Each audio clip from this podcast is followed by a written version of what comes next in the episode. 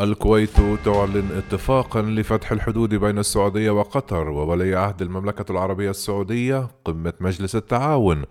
ستترجم تطلعات لم الشمل.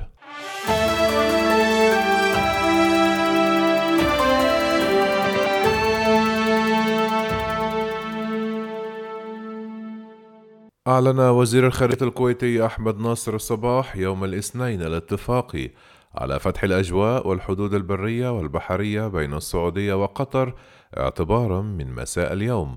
وأوضح الوزير الكويتي أن هذا الاتفاق يأتي ضمن توقيع بيان العلا الذي يعد إيزانا ببدء صفحة مشرقة في العلاقات الأخوية الخالية من أي عوارض تشوبها. وأضاف أن أمير الكويت الشيخ نواف الأحمد الجابر الصباح أجرى اتصالا هاتفيا بولي العهد السعودي. الأمير محمد بن سلمان وأمير قطر تميم بن حمد آل ثاني وأضاف وزير الخارجية الكويتي أنه جرى التأكيد على حرص الجميع على وحدة الصف ولم الشمل وجمع الكلمة. في غضون ذلك أكد ولي العهد السعودي أن سياسة المملكة بقيادة الملك سلمان بن عبد العزيز قائمة على نهج راسخ.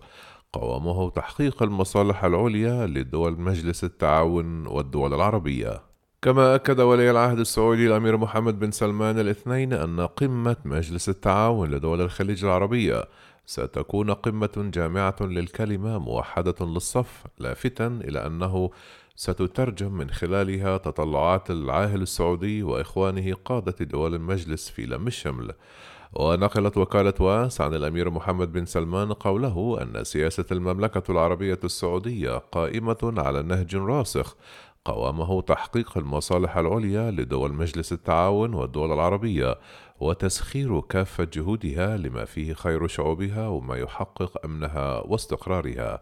وأضاف أن قمة مجلس التعاون لدول الخليج العربية ستكون قمة جامعة للكلمة موحدة للصف ومعززة لمسيرة الخير والازدهار معربا عن أمله في استمرار الأمن والاستقرار على دول المجلس وتكاتف وتلاحم شعوبها.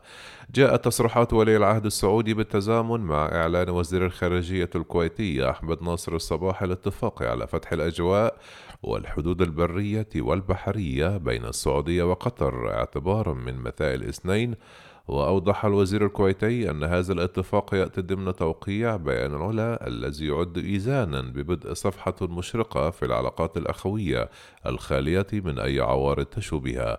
وأضاف إلى أن أمير الكويت الشيخ نواف الأحمد الصباح قد أجرى اتصالا هاتفيا بولي العهد السعودي وأمير قطر تميم بن حمد آل ثاني وأضاف أنه جرى التأكيد على حرص الجميع على وحدة الصف ولم الشمل وجمع الكلمة.